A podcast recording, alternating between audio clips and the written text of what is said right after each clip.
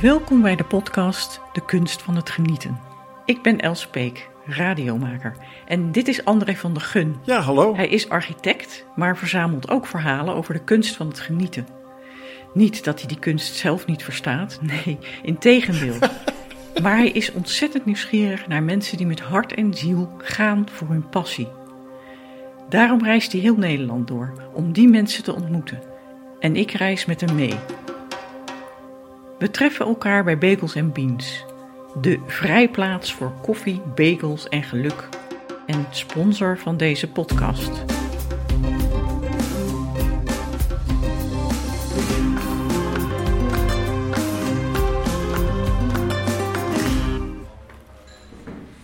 Even kijken, wat ga jij eten? Waar heb jij zin in? Ehm, ik hou het vandaag bij een bagel hummus met zontomaatjes en rucola. We gaan naar de Middenbeemster. Deze keer naar Karel Kraaienhof, midden in het land. Dus zontomaatjes en rucola vind ik dan wel bij het landschappelijke passen. Karel Kraaienhof, dat is die van de bruiloft van Maxima en Willem-Alexander. Ja, die Bando de Jong, die Argentijnse tango. Adios Nonino, Juist. van de traan van Maxima. Ja, en waarschijnlijk dat de rest van de kerk ook traantjes deed. Dat is natuurlijk wel heel melancholisch. Ontzettend mooi.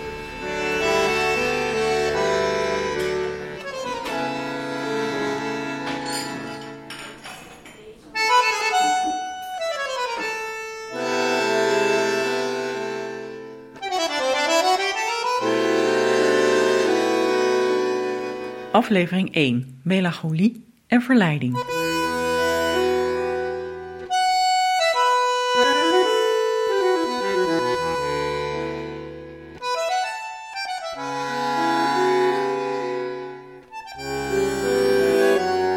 We zitten in de werkruimte van Karel Kraaienhof. Een soort keet in zijn achtertuin waar hij ongestoord kan werken. En ik kan de hele nacht eh, zitten, zitten spelen als ik wil. begrijp ik. Er is niemand die er last van heeft.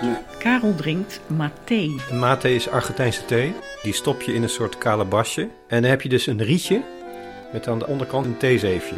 Het is gewoon nationale drank. Ik drink het al 30 jaar. Alles hier binnen ademt de Argentijnse tango. Pugliese, komt van Puglia. Aan de wanden foto's van zijn leermeester. Piazzolla, die komt uit Trani in eh, Zuid-Italië. In kasten cd's met hun Eh, muziek. Mussolini, Binelli, Ruggiero, die, eh, dat is de- die man daar. Geweldige banjonspeler van Pugliese. En in het midden van de ruimte een piano. Componeren is heel erg verslavend. Je krijgt zoveel, ja, als componist natuurlijk, zoveel geluiden ga je absorberen. Op al je reizen, op alle ontmoetingen. Al kijk je maar hier naar buiten over het prachtige platteland van de Beemster. Dan waan ik mee op de Argentijnse Pampa, want het lijkt er ontzettend op. Ik, ik heb ooit samengewerkt met Ennio Morricone, de beroemde filmmuziekcomponist. En die zei tegen mij dat hij altijd om vijf uur s morgens opstaat. Want s morgens is wanneer het uit de hemel in je neerdaalt, de inspiratie. Dus dan ga je zitten, zitten bouwen.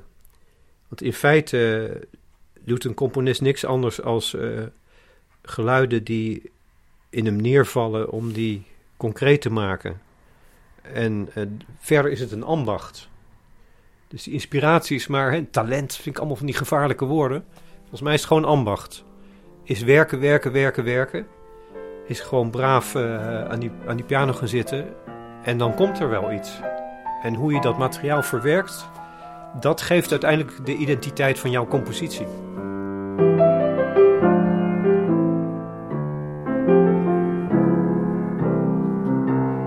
Oh, je hebt een vragenlijst. Nou, het is, ik, ben, eh, ik, ik ben architect en ik schrijf boeken. Dat weet je. Maar interviews afnemen, dat is... Dat is Dat is toch hetzelfde als eh, wat je altijd, eh, hoe altijd zit te kletsen, of niet? ja, dat weet Ja, ik. Maar ja, ik Je moet wat weten, je moet wat pu- puntjes Ik moet een beetje richting, eh, ik moet Mhm. natuurlijk een beetje richting hebben. Hè.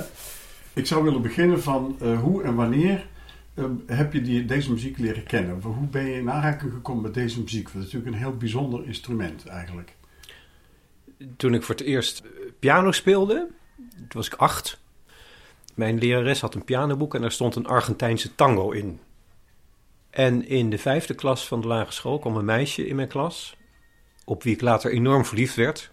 En haar vader werkte bij Philips, net als de mijne in Eindhoven. Maar haar vader had bij Philips Argentinië gewerkt. Dus zij was in Buenos Aires geboren. En toen ze in mijn klas kwam, had ze dus, praatte wel Nederlands, maar met zo'n heel magisch mooi accent. Zo'n beetje als, als Maxima praatte toen ze een half jaar Nederlands eh, sprak. Ja, er waren een soort vooruitblik op de toekomst. Ik had als kleine jongen een stripverhaal, dat heette Don Bandoneon, de trieste gaucho.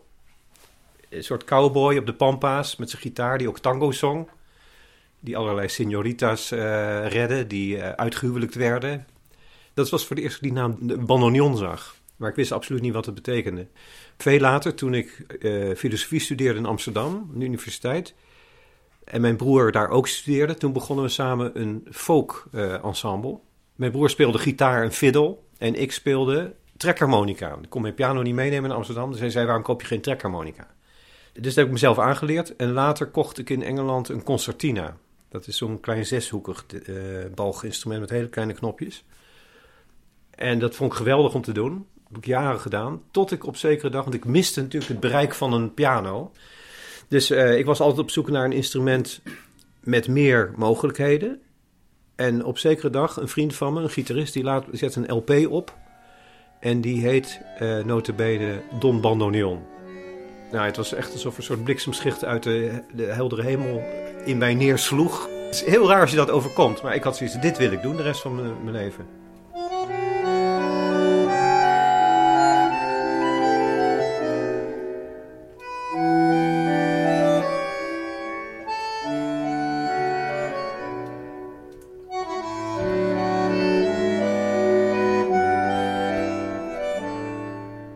Helemaal gelijk verliefd op het instrument. Ik kon niet eens geloven dat het één instrument was wat ik hoorde.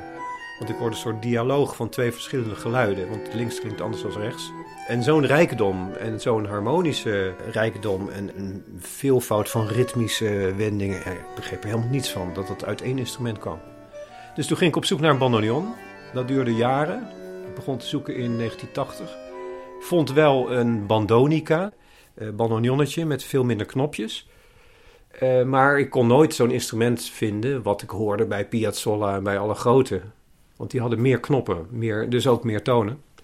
En toen in 84, toen zat ik in het Vondelpark met mijn trekharmonica te spelen. En toen kwam er een Argentijn op me af, die stond te luisteren. En die zei, wat prachtig speelt u.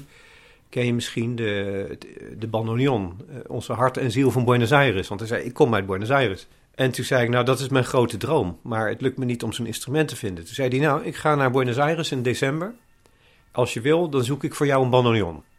Want hij ging een heel cultureel centrum oprichten voor Latijns-Amerika in Amsterdam. Dan ging hij materiaal halen. Okay. Dus hij bracht ook literatuur mee. En hij bracht ook stapels LP's mee van tango-muziek. En dus ik kocht ook iets van 20 LP's van hem. En dat werden mijn leermeesters. Want ik, ik uh, had dus ook geen methode om bandoneon te leren. Dus ik ging gewoon aan de piano zitten. En dan keek ik bij elke knop van uh, welke toon is dat. Ja, ik, ik ben denk ik een, een soort monnik geweest jarenlang. Ook, ook al woonde ik in Hartje Amsterdam. Want ik zat duizenden uren, zat ik dus die LP's te transcriberen, noot voor noot. En dan soms heb je het ook, ik had het niet alleen over een, een solo bandoneon hè, of, of gitaar. Maar ook hele orchestra typica's, dus, of sextetten. Dus dan heb je het over uh, tango-orkesten met vier bandoneonspelers. Hè, die als een soort blazers gearrangeerd zijn. Die allemaal verschillende stemmen spelen. Zowel links als rechts. Dus dat is natuurlijk een, in, heel intensief werk. Maar het grote voordeel is dat je gelijk, alsof je bij een baby met bij de moeder zit en die leert de eerste woordjes zeggen, je leert ook hoe ze die uitspreekt. Hè, dus, dus, die, dus Piazzolla was mijn grote leraar. En uh, Troilo en Pugliese en Salgan en alle grote namen van de tango waren bij directe leraren.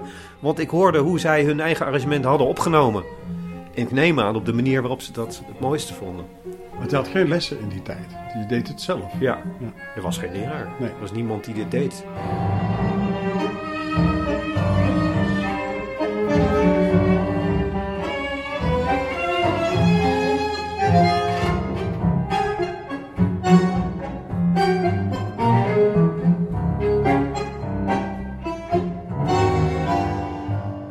Ik dacht vroeger El Bandoneon, wat een exotische naam, een prachtig dat. En toen op een gegeven moment bleek, nee, dat is een Duits instrument, genoemd naar Heinrich Band. En dat was een cellist en muziekleraar in Krefeld, in het Roergebied. En ook hij had het eigenlijk niet uitgevonden. Hij had een bepaald systeem ontwikkeld. En dat systeem noemen ze Rheinische toonlagen. Toonsysteem van het Rijnland. 142-tonig systeem. En dat is toevallig door de Duitse emigranten meegenomen naar Argentinië en Uruguay. En dat is massaal geadopteerd. Dus van de eerste tango uh, bandoneonspelers tot Piazzolla speelt iedereen dat systeem. Uh, maar die Argentijnen, die, die, want die Duitsers die speelden diagonaal dat instrument op een heel onhandige manier, op hun beide knieën. Mm -hmm. Maar die Argentijnen legden het over de knie. En die toon van het instrument, die een beetje uh, doet denken aan de linkerhand als een harmonium. En de rechterhand is meer als een hobo of meer een blaasinstrument. Heeft een vrij plechtige klank. Wat is een instrument? Link, linkerhand, hè?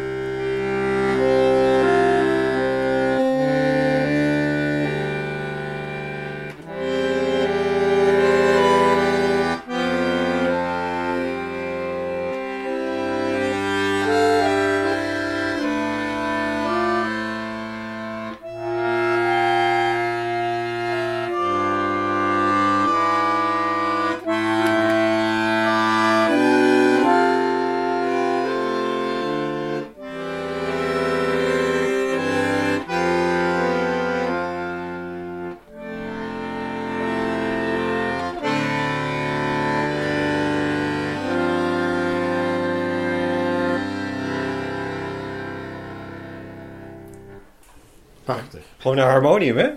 Klassiek. Ja, klassiek, ja. Maar die Argentijnen, die hebben natuurlijk het heel erg... Uh, die zijn er andere dingen op gaan doen.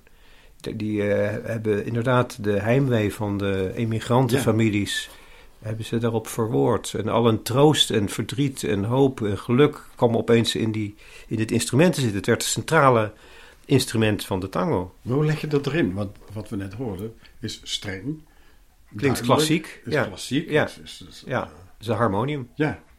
Ja, dat is, heeft te maken met de manier van de melodieën. En kijk, het is natuurlijk gigantisch, die tango is gigantisch beïnvloed door Europese immigrantenculturen.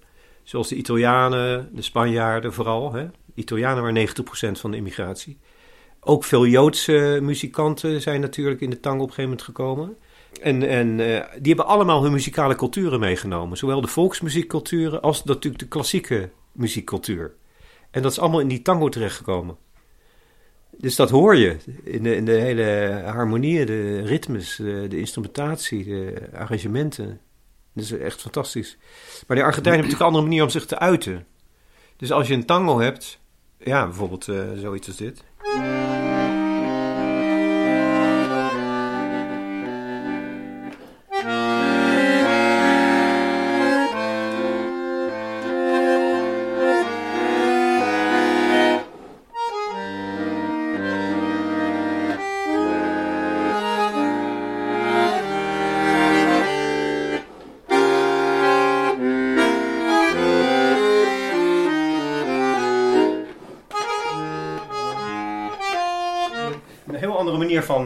Spelen uh, met uh, ademhalingen. Bandoneon is een zanger geworden, dus die, die heeft een soort...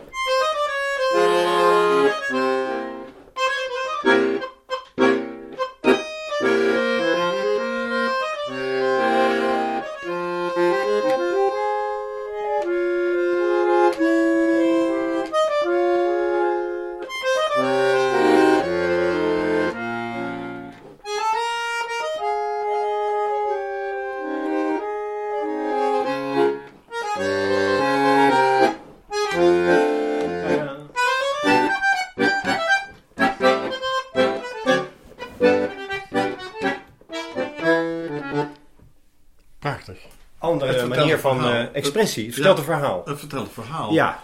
En En een van de mooiste definities van de tango is van Horacio Ferrer, groot dichter en geschiedkundige, die veel met Piazzolla samenwerkte. Die zei: De tango is de eerste glimlach op je gezicht nadat je een zee van tranen hebt overgestoken. Eh, tango is niet iets van mensen, van tieners of van zelfs mensen in de twintig. Je kan tango pas voelen als je een liefde hebt verloren. Als je liefdesverdriet hebt Ja. gekend. Er is een hele mooie tango ook van Eladia Blasquez en die zegt: Eerst moet je leren lijden, dan liefhebben, dan vertrekken om gedachteloos over straat te lopen. Ja, dat, Dat, is, dat geeft het al aan. Hè? Ja, Van, eh, dat vertelt het al. je hebt ook geen plezier in tango als je niet dat traject hebt gelopen al in je leven. Ja, dat maakt het ook per definitie niet commerciële muziek. Onmogelijk. Commercie heeft geen enkele greep op tango. En andersom niet. Het zit in een totale niche natuurlijk. Ja. Daarom ben ik zo'n bizar geval van eh, iemand die opeens in de spotlight komt. En dan kijken 55 miljoen mensen naar. En de volgende dag stap je terug in je niche. In je, in je zelfkant. Eigenlijk, hè? Je zegt dat je het doorleefd moet hebben eerst. Hè? Mhm. Hoe, hoe zit dat dan bij jou? Ik was 26 toen ik Bananion begon te spelen. Dus ik had ook al eh, een eh, heftig liefdesverdriet gekend. Een eh, vier jaar lange relatie die, en opeens sta je in je eentje. Dat soort dingen had ik wel meegemaakt. In, in mijn familie van mijn vader was ook al een ravage aangericht. waar heel veel mensen van kanker dood gegaan bijvoorbeeld. Dus je hebt dan wel wat gezien van het leven. Ik had ook al wat gereisd. Ik vind reizen ook uit, heel erg belangrijk voor je ontwikkeling eigenlijk. Hè? Omdat je opeens kan je een kijkje nemen in een andere wereld. In, helemaal toen ik naar Argentinië ging voor het eerst... was het alsof ik op een andere planeet stapte. Want de mensen leven totaal anders. Alles is anders. Ja. Je begrijpt er niks van in het begin. Maar het had op mij een enorme aantrekkingskracht. Al, als klein jongetje... Want ik ben natuurlijk in Aalswouwer opgegroeid. En een braaf burgerlijk milieu eigenlijk. En ik, ik bracht het kerkkrantje rond. En ik speelde soms filicorda in het bejaardenhuis bij de kerkdienst. en ik, ik eh, ging netjes naar school. En, eh, maar ik had wel soms zoiets van... Ja, maar, dan zag ik een film van Louis de Funès. Hè, in Saint-Tropez. En, eh, voor mij, dat, dat- is waar het echte leven zich afspeelt. dus ik heb mijn ouders net zo lang zitten zeuren... tot we naar Saint-Tropez op vakantie gingen. En het, dus eerst was het Frankrijk en toen werd het Spanje. En eh, op een gegeven moment werd het Argentinië en Uruguay. Eh beheerste je toen al de taal eigenlijk, toen je daar kwam? Ik Ja. Dat is ook nog een groot verschil of Ja. je ergens komt en de taal spreekt. Hè? Ja, ik begon eigenlijk gelijk met dat ik Bananion begon ik ook... Ja? Ja, ja want dan had ik... eh, ik, ik, ik had ook eh, in dat centrum, Centro José Martí, hè, wat die Argentijnse vriend van mij oprichtte. Daar werkte ook een Spanjaard uit Madrid, Diego. En die eh, was mijn eerste Spaanse leraar. En die heb ik dus helemaal tot waanzin gedreven. Want om te beginnen wou ik dus niet Spaans-Spaans leren. Want de Spanjaarden spreken anders Spaans als in eh, Zuid-Amerika, in Midden-Amerika. Plaza de Mayo in, in Spanje. En, en de Argentijnen hebben Mayo, hè? Plaza de Mayo. En dat is allemaal wat zachter. Dus die eerste leraar, daar kwam ik aan met boeken die gingen over de, de fabricatie van een bandoneon. En de onderdelen, de linguetas, de peines, de botones, de fuege, noem maar op. En Hij zegt, ja, maar zo kan je toch geen conversatie voeren als je naar Buenos Aires gaat. Maar ik wou dus alles weten van dat instrument, ook omdat het een noodzaak is voor een bandoneonspeler. Want je moet met een reparateur, een stemmer, kunnen praten over de onderdelen. Ja, want de stemming van de bandoneon, dat is een van de moeilijkste dingen die er, die er bestaan. Het is alsof je met, je met je kind naar de dokter gaat, hè? als je met de bandoneon naar de stemmer gaat. Dus eh, ja, dat was, eh, was een heftige tijd. Maar in ieder geval op die manier kwam ik dus in aanraking met zowel de bandoneon als de tango. Want tango kende ik ook niet voor die tijd. Ik, ik heb puur de tango leren kennen omdat dat de muziek is van de bandoneon. Maar mijn eerste liefde was dus het instrument zelf. Ja, ja. En wat was dan die fascinatie juist Ja. dat instrument? Ja, de klank en hoe het eruit ziet. En, eh, en de enorme mogelijkheden dat je dus links... eh, kijk.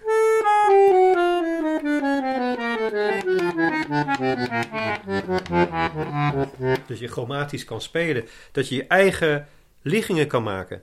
Kijk, op een accordeon heb je... Heb je meestal drie mogelijkheden. Minor, major, septiem. Maar bij kan je dus alles...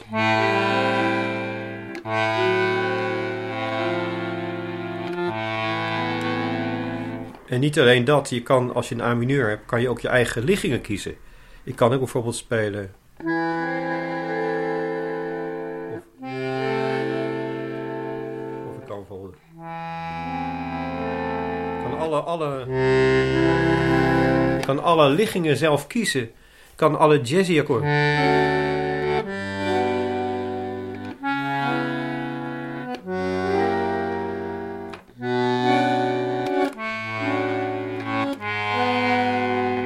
Je kan de melodieën spelen ook.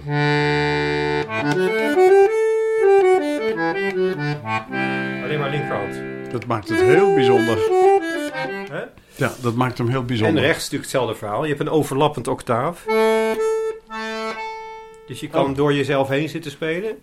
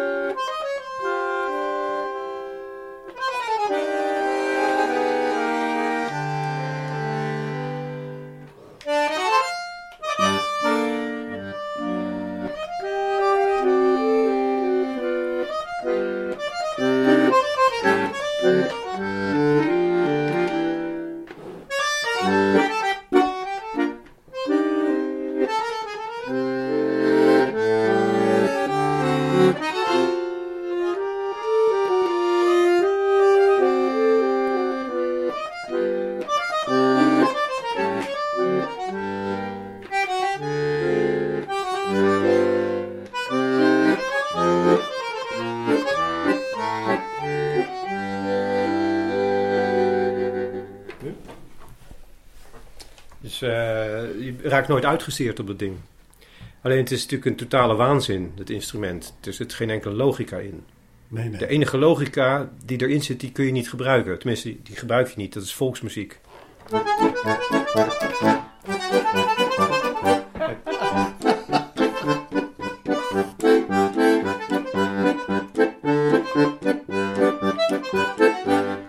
Want het is een trekharmonica. Binnenrijtjes is een trekharmonica. Dus wat hebben ze gedaan? Om te beginnen is het dus al een ramp dat het wisseltonig is. Elke knop heeft, net als blazen en zuigen bij mondharmonica, Mhm. verschillende toon. Dus dat is lastig, moet je alles dubbel leren dus. Maar hebben ze bovendien alle halve nootjes om die twee binnenrijen heen gemaakt. Dus dan krijg je dat rare systeem. Dus, dus, dus het slaat nergens op. Het, het is helemaal Als je een toonladder. Maar als je die naar binnen wil spelen, dan moet ik dus alles anders doen. Elk akkoord wat ik heb, speel ik naar buiten, die speel ik naar binnen.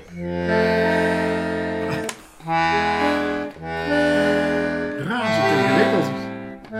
Ja, en dan is ook nog links totaal anders dan rechts. Een andere, andere Hoe krijg je dat motorisch? Dus, nou, eh, dus als je een toonladder met twee handen speelt, dan kan je hem net zo goed tegengesteld spelen. Dat is even moeilijk. Dat is net zo moeilijk.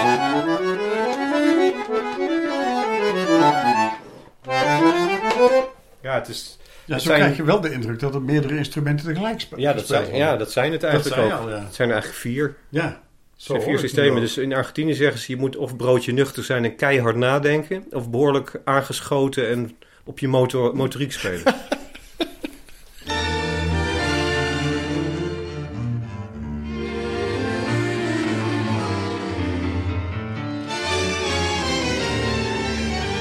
Ja, dit is ook zo mooi. Dit komt uit eh Che. Van Homero Mansi heeft de tekst geschreven. Annibal Troilo de muziek.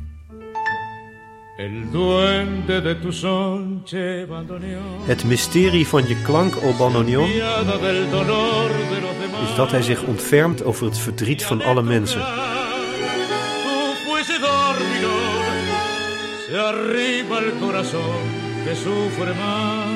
En met het samenpersen van je slaperige blaasbalg bereikt hij het hart van wie het meest lijdt.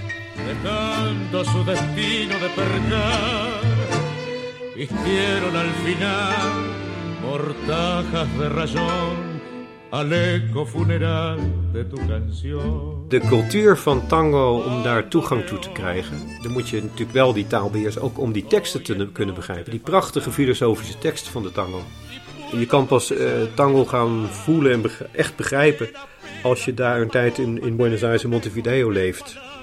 Door de verhalen van mensen, vooral de oude mensen, en om van muzikanten ook te horen hoe hun, hoe hun ouders vroeger speelden en wat ze toen speelden en bij wie, in welke orkesten zaten en hoe hun contact met hun eigen fans was. En wat eh, rol zij, voor rol zij speelden in hun dorp of stad. En hoe het ook in een familie, eh, want vaak zitten die hele gezinnen zitten dan samen te spelen. Wat, wat die muziek voor rol speelt in hun leven, dat, daar leer je heel erg veel van natuurlijk. En waarom die teksten over die onderwerpen gaan. En, want eigenlijk, eh, de tango is een, eh, ze zeggen wel, het is de, het klachtenboek van de achterbuurt. Het is eigenlijk een, eh, een afspiegeling van het leven van mensen daar. Dat is precies wat mij ontroert aan deze muziek.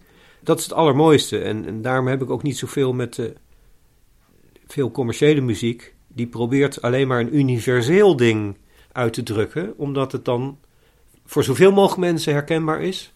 En gekocht gaat eh, maar ook vrij oppervlakkig blijft. Ja. Ik weet nog dat ik bij Universal was ik negen jaar. En mijn A&R-manager zei dat hij elke muzikant voor gek verklaarde... die niet erop gericht is om zoveel mogelijk cd's te verkopen. En ik had er wel een vraagteken bij. Want ik dacht, ja, maar dat is niet mijn belangrijkste reden om muziek te spelen. De belangrijkste reden is eh, dat muziek ontroert. En dat het troost biedt en, en kracht en, en geluk. Een heel ander uitgangspunt. Ja, ook een verhaal verteld aan Ja, elkaar. een verhaal verteld, ja. Eh, Met jouw muziek vertel je ook jouw Ja. emoties. Want als ik, Ja, of dat van eh, anderen ook, hè? Als ik terugluister wat je speelde in de kerk bij Ja. Maxima.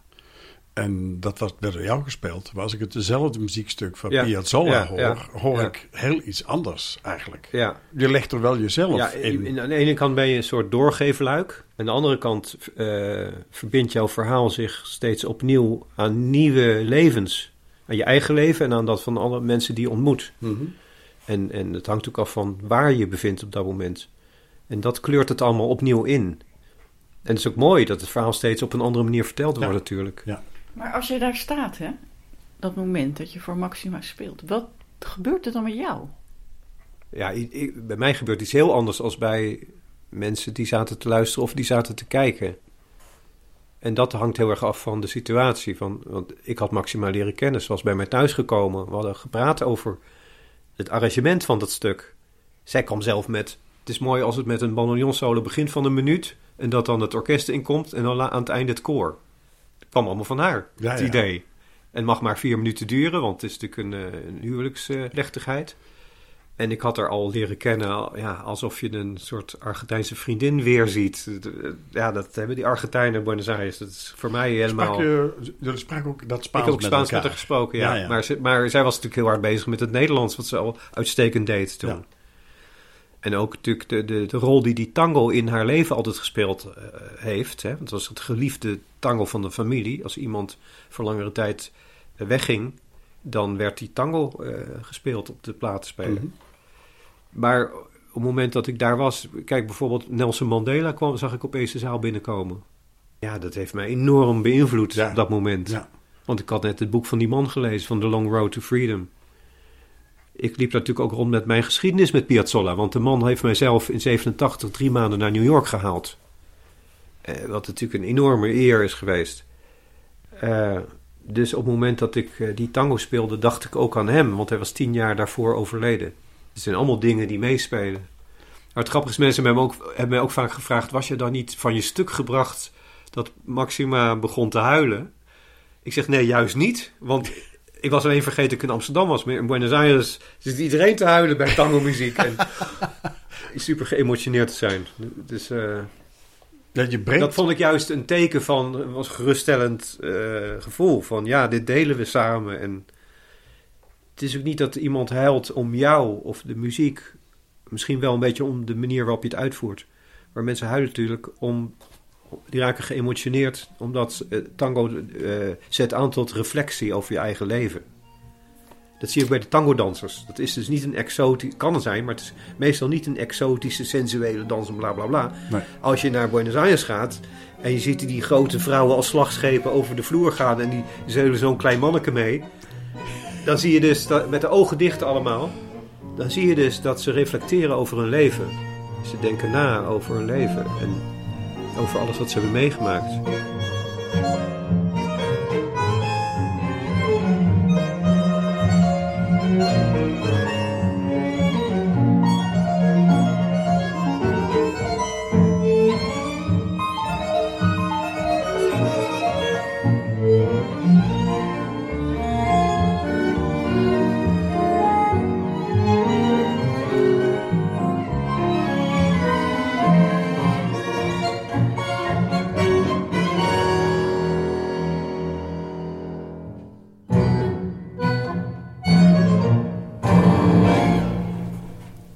Je hebt de visie ontwikkeld, maar heb je daar ook een missie bij eh, gevonden in jezelf? Een, een opdracht aan jezelf? Ja. Nou ja, kijk, ik heb altijd zowel de muziek als ook de bandoneon als een geschenk ervaren. En de gevoelens die ik daarbij heb gekregen, dat alles is een geschenk. En ik ben eh, gelauwerd in Argentinië door de Argentijnse regering. Omdat ik zei, ja, luister, uh, de bandoneon was een geschenk van de Argentijnen aan mij. En nu wil ik iets terug doen. En wat ik terug heb gedaan, behalve de benefietconcerten die we natuurlijk voor Argentinië, voor het Argentijnse Muziekinstituut hebben gedaan. Behalve dat ben ik vooral gelauwerd omdat ik ambassadeur ben geworden van de Argentijnse tango wereldwijd. Hè? Dat ik ook in Australië en noem maar op, Siberië, Alaska en overal heb ik gespeeld. China, eh, Japan, wherever heb ik gespeeld. Met die bandoneon in de armen van de Argentijnen en hun muziek. Dus ik denk, het doorgeven van muziek is mijn grote missie. Op alle mogelijke manieren. Maar ook uh, doorgeven van muziekinstrumenten. Het, het mogelijk maken dat mensen die na mij komen in mhm. staat zijn om hetzelfde te doen. Dus een van de grote projecten die we nu hebben, Tirza en ik, hè, mijn vrouw die, die al sinds 96 mijn manager is. Het nieuwe project dat we hebben is uh, dat we bandoneons brengen naar Jujuy, een van de armste gebieden van Argentinië, tegen de, de Andes aan, de enorme gebergte. Dus veel van die dorpen liggen duizenden meters hoog. En dat zijn kleine dorpjes waar ze dus geen tango spelen, maar folklore. Dus ze spelen samba, chacarera, ze spelen carnavalitos, bailecitos, allemaal verschillende ritmes. Uh, en die hebben vaak een, zijn eigenlijk een overlevering van die oude Inca-cultuur. En die mensen zijn ongelooflijk streed, heel diep, ze zijn religieus, en ze zijn, maar ze zijn heel eerlijk. En ze, ze zijn in contact met het licht, zoals ze zelf zeggen. Ze zitten heel hoog natuurlijk in de bergen. Ja. Uh, er vliegen daar condors rond. Moet je je voorstellen dat een condor meer dan 70 jaar oud wordt. Ja. Ze zien het als hun voorvaderen. Dus ook het redden van de condors is voor hun het redden van zichzelf en hun cultuur. En wij brengen daar dus nu bandoneons heen, omdat de kinderen daar, die hebben geen geld om bandoneon te kopen. Die families hebben absoluut geen geld. Dus ze maken bandoneons van kartonnen dozen fake bandoneons. Twee kartonnen kastjes en ze vouwen een balg. En ze kopiëren uit een bandoneonmethode het knoppenveld. En dat plakken ze aan de zijkanten, zodat ze weten waar ze hun vingers kunnen zetten. En ze leren puur theoretisch, door te, te tikken op die gefingeerde knopjes, leren ze theoretisch bandoneon spelen. Maar doen dat met een enorme passie. En ik, ik weet het trouwens uit mijn eigen geschiedenis. Toen ik geen bandoneon had, was mijn verlangen het allergrootst om banjon te spelen. Als je er eenmaal in je handen hebt, dan begint het echte werk om het te moeten volbrengen. Te moeten voelen. Ja, maar het verlangen naar iets is vaak een, een, een grotere liefde dan het krijgen ervan. En dat, dat is heel, heel, heel mooi. Dat, dat, dat is geweldig. Als je ontzettend verlangt naar iets, maar het wordt steeds uitgesteld. Het is onbereikbaar. Ja onbereikbaarheid is heel mooi. Dat zag ik bij die kinderen ook. Dat die hadden zo'n passie om op zo'n kartonnen ding te spelen. Notabene gemaakt van wijnkartonnen. Dus je wordt er ook nog een beetje beneveld door. Doordat dat ding alsmaar zit te, hangt er nog in. te ademen. Ja. Inmiddels hebben we daar tien bandoneons heen gebracht. Met de bedoeling dat elk dorpje een eigen instrument heeft. Zodat de kinderen om de beurt... Kunnen spelen en leren In de week een paar uur op een echt instrument kunnen spelen. Daar geef je ook les? Heb je ook les gegeven? Ik heb ook les gegeven, ja. En, en, en de jongste kinderen waren zo eh, elf jaar. En uh, jongeren, ja, ook ouderen waren er trouwens bij. Maar ook veel jongeren tussen de, nou, zo van in, de, in de twintig. En, en geen van hen allen lezen muziek. Dus dat dus probeer ik er ook. Ja. Ja, net, nou, zoals zoveel spelers ook, hè, op het, in jazz ook, op het gehoor speel je. Maar het is natuurlijk heel belangrijk om ook te leren lezen, zodat je samen ook muziek kan uitwisselen. Mhm. De een die, die schrijft een stuk uit van een, van een cd en de ander een ander stuk. En dan kan je eh, ja. Hè? Heb je een stuk erbij. Je repertoire groeit met 50%. Ja. En dat zit er nog helemaal niet in bij die mensen.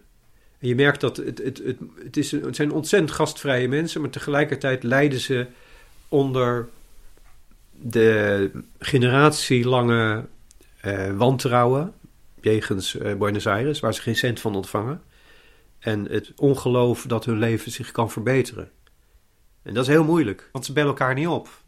Er is geen contact Er zit geen contact. Ik zeg, als je nou samen gaat zitten, dan ga je des te harder. Maar dat duurt een aantal jaar, denk ik, voor je dat voor elkaar krijgt. Ja, ja. Waar dat wel aardig lukt, denk ik, is op het conservatorium hier in Rotterdam. Want Ja. daar heb je ook een missie liggen. Of had je liggen. Ja, ja, ja. Die, die, die hebben we in 1993 opgericht. En daar nog steeds eh, is die tango-vakgroep. Allemaal dus die Argentijnse tango-traditie. Aan de andere kant is het wel zo, we hebben dus wel eh, onze tango-salons, tango-scholen, muziek maken. Maar er zijn eigenlijk heel veel muzikanten, zangers in Nederland en overal, die eigenlijk net even dat instrument erbij nodig hebben. Ja, Een Marco Borsato of meerdere, die in hun muziek jou vragen eh, deel ja, te nemen. Ja, dat is veel gebeurd, ja. Als jij Zij daarbij vinden komt, dat dan heel bijzonder om zo'n instrument erbij te betrekken en de emotionele lading die het heeft. Ja.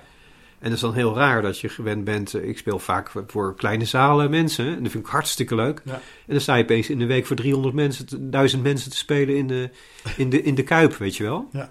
Dat is heel raar. Is en een met Bluff heb ik ook heel veel gespeeld. En Ja. ook naar Argentinië geweest.